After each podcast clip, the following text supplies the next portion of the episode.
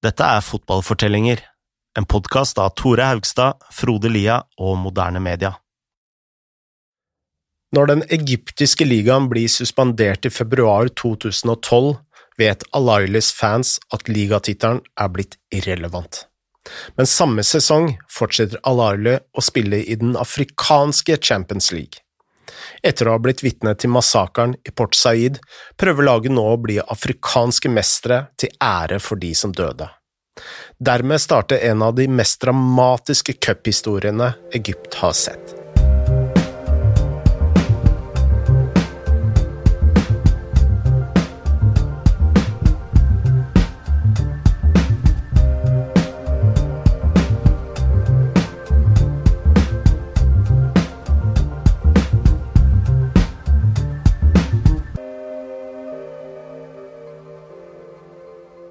Vi snakka i forrige episode om eh, rettssaken som eh, dømte 21 mennesker til døden som følge av Port Said. Vi husker også den egyptiske ligaen fortsatte igjen på høsten 2012. Det vi ikke tok med, var den afrikanske Champions League, som fortsatte som eh, før. Ja, for selv om Egypt ble ramma av denne tragedien, og, og det med, ga mening at de skulle stoppe all fotballen der, så betydde jo ikke det at all afrikansk fotball stoppa helt opp. Uh, og det betydde jo selvfølgelig at Champions League uh, fortsatte som vanlig. Men vi kan jo forstå det om Alalis spillere ikke hadde lyst til å spille den heller. Uh, altså, de var jo traumatisert av det som hadde skjedd, og de husker fortsatt hvordan alle disse skadde fansene hadde kommet inn i garderoben i Port Said, og hvordan en av de hadde dødd i fanget i praksis til, til, en av spillerne. Det er ikke lett å bare riste det av seg og fortsette som før. Men likevel, Al-Ali fortsatte. De ble enige om at de skulle fortsette å spille Champions League, som de nå ville vinne for å hedre de døde i Portside. Det må jo ha vært eh, veldig spesielt for et slikt storlag å kun spille kamper i Champions League. Og det skulle jo bli eh, veldig dramatisk eh, for Afrikas eh, versjon av turneringen. var jo ikke like lett å organisere som den europeiske. Og kamper skulle spilles i mange land og i regioner som ofte preges av stor politisk uro. Og Al-Ailis kvalikkamp mot Stad Malien skulle bli et eksempel på akkurat det. Mm.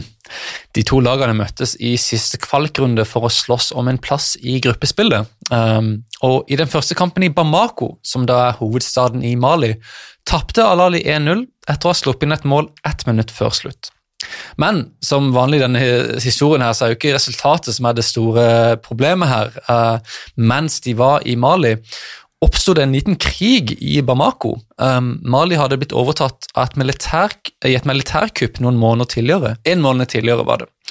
Og Plutselig begynte nå militæret å slåss med styrker fra den avsatte presidenten Amadou Tomani Touré. Dermed ble Bamako full av vold og opptøyer. Um, flyplassen ble stengt. Og Alali hadde jo ikke noe sjanse til å komme seg hjem nå. Uh, de måtte bare bli inne på spillerhotellet og håpe at uh, denne uroen da uh, kunne legge seg igjen, og at flyplassen kunne bli åpna.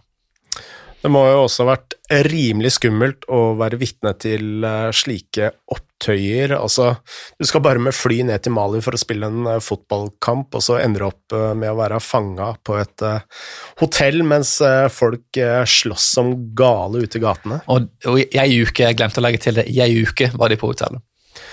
Heldigvis for Alali kom de seg helskinna gjennom det. Så fort eh, flyplassen åpna, ble de fraktet dit av soldater bevæpnet eh, med maskingevær. Deretter ble de tatt hjem igjen eh, på et egyptisk militærfly. Ja. Og det er altså slike ting man må gjennom for å bli afrikanske Champions League-mestere. Så du, om du trodde at konkurransen i Europa var hard, så er det ingenting Ingenting i motsetning til, eh, til Afrika. Samtidig hadde jo Alali en kamp de måtte vinne her for å komme seg videre. Eh, og den klarte de å vinne 3-1 tilbake i Kairo, eh, som sikra de da en plass i gruppespillet i Champions League. Likevel gikk lagets trener Manuel José av en måned etterpå. Han hadde egentlig tenkt å gi seg etter Port Said, og så hadde han kommet tilbake. Men uh, nå, da, etter denne uh, utrolige situasjonen i Mali, så hadde han da funnet ut at han kunne ikke levere som, som han hadde lyst til i Egypt. Uh, og han hadde noen sitater som liksom forklarte hvorfor han, han, ga seg nå. Han sa at situasjonen er veldig vanskelig her nede. ingen bryr seg om fotball, alle snakker bare om politikk. Og han la til at altså, Dette var ikke bare folk i gatene, men selv spillerne fokuserte nå på det politiske. Og det var jo ikke så rart. altså Mahmoud snakka om dette i forrige episode, og det hadde vært en revolusjon, og hele det politiske landskapet var snudd på hodet. Men likevel, for en trener som hadde lyst til å vinne Champions League, og som hadde det sportslige å fokusere på, så var jo ikke dette ideelt. De politiske distraksjonene til tross vant Alaili gruppen sin. Det førte dem til semifinale mot det nigerianske Sunshine Stars, og igjen var det trøbbel like rundt hjørnet. Den første kampen i Nigeria endte 3-3, og da de skulle spille returkampen i Kairo, ble Sunshine Stars-spillerne innesperret på hotellet like før kampen og det satte hele semifinalen i fare for å bli avlyst. Grunnen til at dette skjedde, var at hele Sunshine Stars-laget ble blokkert av en protest. Men uh, de som protesterte, var ikke uh, aktivister eller uh, politiske motstandere av Mubarak eller fiender av militærregimet eller noe sånt. Nei, dette var fot profesjonelle fotballspillere. Og de hadde møtt opp i protest mot at Alali fortsatt fikk lov til å spille kamper. Altså, du kan tenke deg, denne gjengen, uh, altså kun dette laget, da, Alali og Samalek, som hadde vært i gruppespill også, fikk lov til å fortsette å tjene penger og trene og, og, holde seg i gang, mens de andre måtte gå arbeidsløse kun fordi den hjemlige ligaen var suspendert. Disse, disse fotballspillerne følte nå at Alali ble favorisert, og de var ute etter å ja, å få en endring på dette. De hadde egentlig marsjert til presidentpalasset for å bli hørt, men eh, så hadde de da, de da satt om kursen til spillerhotellet for å prøve å få semifinalen kansellert. Men så kom ultraene, selvsagt, uh, spillerne til unnsetning. På hvite hester. På hvite hester. Uh, da de skjønte hva som var i ferd med å skje, dukket Ultra Alavi opp ved hotellet og prøvde å få Sunshine Star-spillerne til kampen. Steiner blei kasta mellom ultraene og de som nei, protesterte. Og til slutt fikk fansen ført spillerne inn på bussen og til stadion. Og der vant jo selvsagt Al-Aili 1-0 og var klare for finalen. For hvordan i alle dager skulle Sunshine Stars klare å vinne en kamp med den oppladningen der? det har jeg ikke tenkt på. Absolutt. Uh, og det viste jo også at, at, fansen ville at spillerne skulle spille, uh, i motsetning til selve ligaen. da. Uh, det var litt spesielt.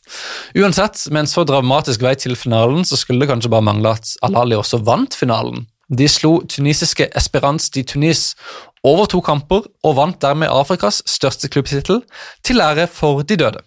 Mahmoud fortalte oss om hva denne tittelen betydde for klubben. The whole atmosphere was saying, of course, it was completely unexpected for Al Ahly to uh, to win anything without their fans, which has been the backbone for the club for many years. Um, there were no fans allowed in Egypt, um, and without no any league games, of course, without so it was of course very difficult for them to do it, but. You can say like it was the soul of the 74 uh, murderers who have given this tournament for Ahly it meant a lot for us, of course. It meant a lot for Ahli fans. It, it, it was the players have credit to, to all of the players who have played. They have given all their best for the fans, and they believe like the best thing to reward Ahli fans after what happened, and themselves they, because they have seen a lot in Port Said as well. There were people dying in the dressing room. Some people who were escaping from the closed gates and escaping from the thugs that were trying to kill them many people try to escape in the dressing rooms and some people have some players have reported that they have people killed in their hands or dying in their hands. So these people also have been traumatized by what they have seen.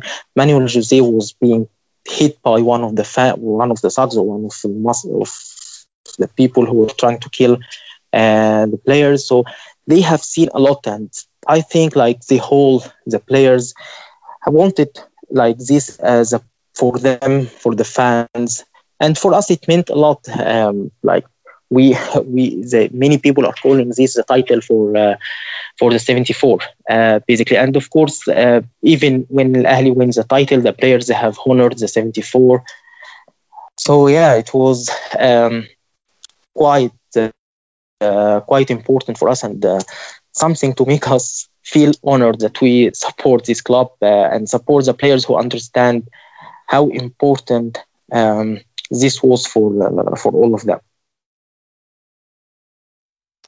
Året etter, i 2013, vant Al-Aili en ny Champions League-tittel. Det var fortsatt politisk uro i Egypt.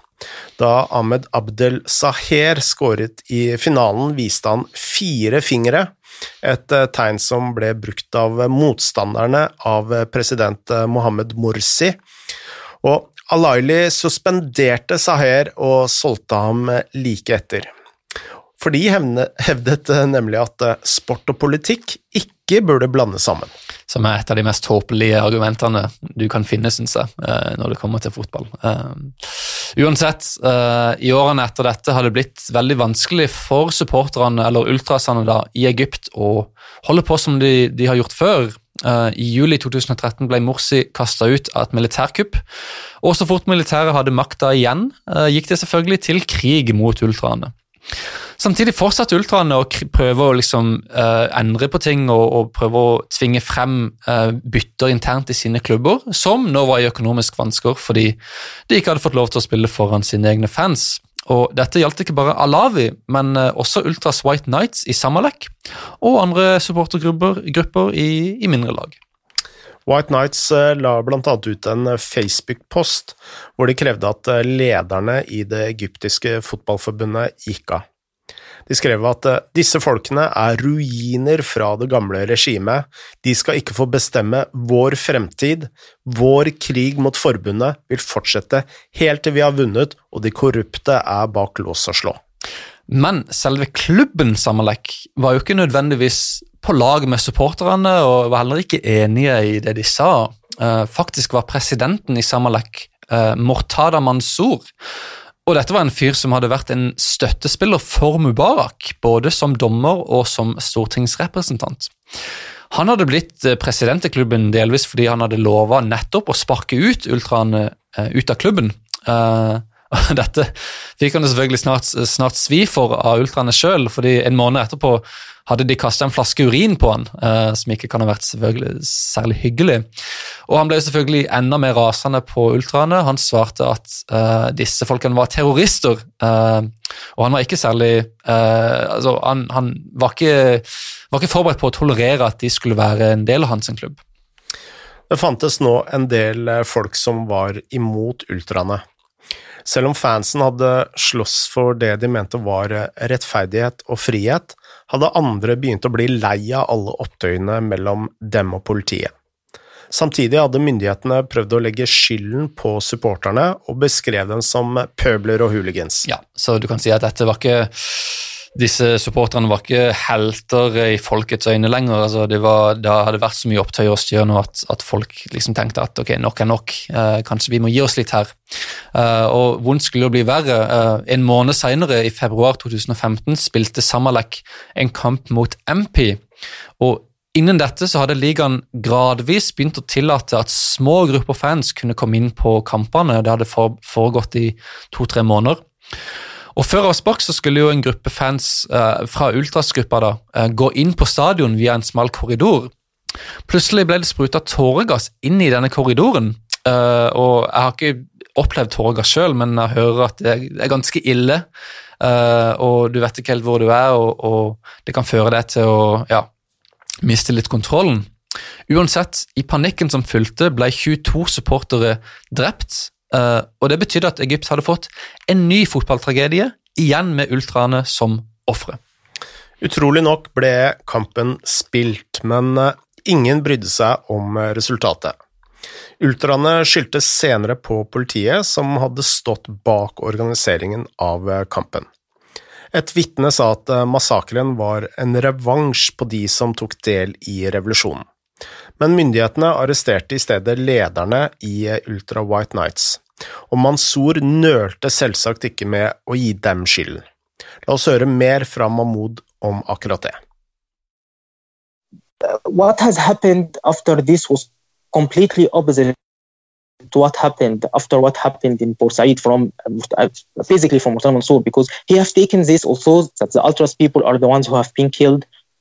He has taken this as something against the ultras groups themselves. I don't know how he managed to do that to accuse them of inciting violence, of trying to get into the stadium without tickets, and um, all of this stuff. Also, tickets were not allowed to be bought or to be purchased from the fans or from the ultra group, there were nothing to be announced between the fans. And of course, you can expect this reaction from the fans when this is the first league game to be played with the fans since 2012. It uh, it has been like three years uh, since the last game without the fans. So it was expected that the fans are going to attend the game in just a huge number because everyone, especially when tickets are not allowed to be bought, so everyone want to find a way in order to get into the stadium and watch the club play uh, for the first time in three years. So, but what happened that 20 people were killed and we had another tragedy just three years after the previous one. And then um, Mansour has taken this as an action against Ultras Group, and of course, with how many, with how like already um, the Ultras Group were dying, and we're having a lot of limitations, and um, we're having a lot of things against them being done. It was, it has been taken, um, and he has managed to take this through as a member of Parliament as well. He has managed to uh, make that law that makes ultras groups illegal, and a terrorist group as well. Mansour anklagde altså fansen for å stå bak denne tragedien hvor 22 fans ble drept, og så fikk han pressa gjennom en lov takket være sine kontakter i regimet, som sa at ultrasgrupper i praksis var terrorister. En rettssal i Kairo backa opp dette ved å bannlyse all form for ultrasaktivitet. Og siden det har skjedd, så har det vært veldig veldig vanskelig å drive disse ultrasgruppene i Egypt. En rekke medlemmer av gruppene har blitt uh, satt bak lås og slå. Da 50 medlemmer av White Nights dro for å se en håndballkamp med Samalek, ble de alle arrestert. Det samme har skjedd med medlemmer av Al-Avi. La oss høre mer fra Mahmoud om eh, hvordan ultrasgruppene fungerer nå. Ultras groups, Ultras Ahlawi have dissolved officially. They don't have any official meetings or things. People still go to the stadiums, if possible, in uh, CAF Champions League games that allow the stadiums, that allow the fans. Um, and uh, like the security is forced to allow fans to get because that's the rules of um, the CAF, uh, the African Football Federation. Um, so that's why some fans attend, but they are not organized anymore, or there is no an official group for Ultra Sahlawi anymore. There are no leaders, and there is no any um, uh, no organization as it used before. They have officially on Facebook announced that they have dissolved it, and uh, like they have no official representatives at all. But fans go there and they stay in the third stand on the left, and they keep supporting the club and singing the same songs that being sung before, but there is no any official representative for them anymore. Uh, Ultras White Knights, which are the Ultras of the Malik, are still surviving a bit. Of course, the leader has been taken, which is quite weird. It has been taken in the prison in jail after what happened in uh, Air Defense Stadium. Of course, although the Ultras groups are the victims, but he has been taken and he has been under trial for three years, for five years now. Uh, but they are still trying to survive. They have not uh, announced their uh, the solution, but it's very difficult for them to to, to, survive. But they, they still attend uh, some games in African competitions as well.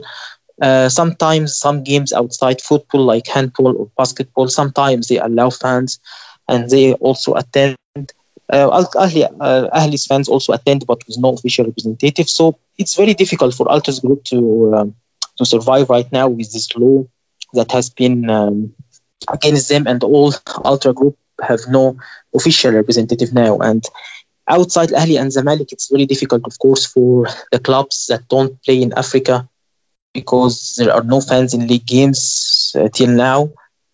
So basically, of course, there is no any uh, any way to survive for ultras groups fans outside of uh, outside Ahli and Zamalek's, basically.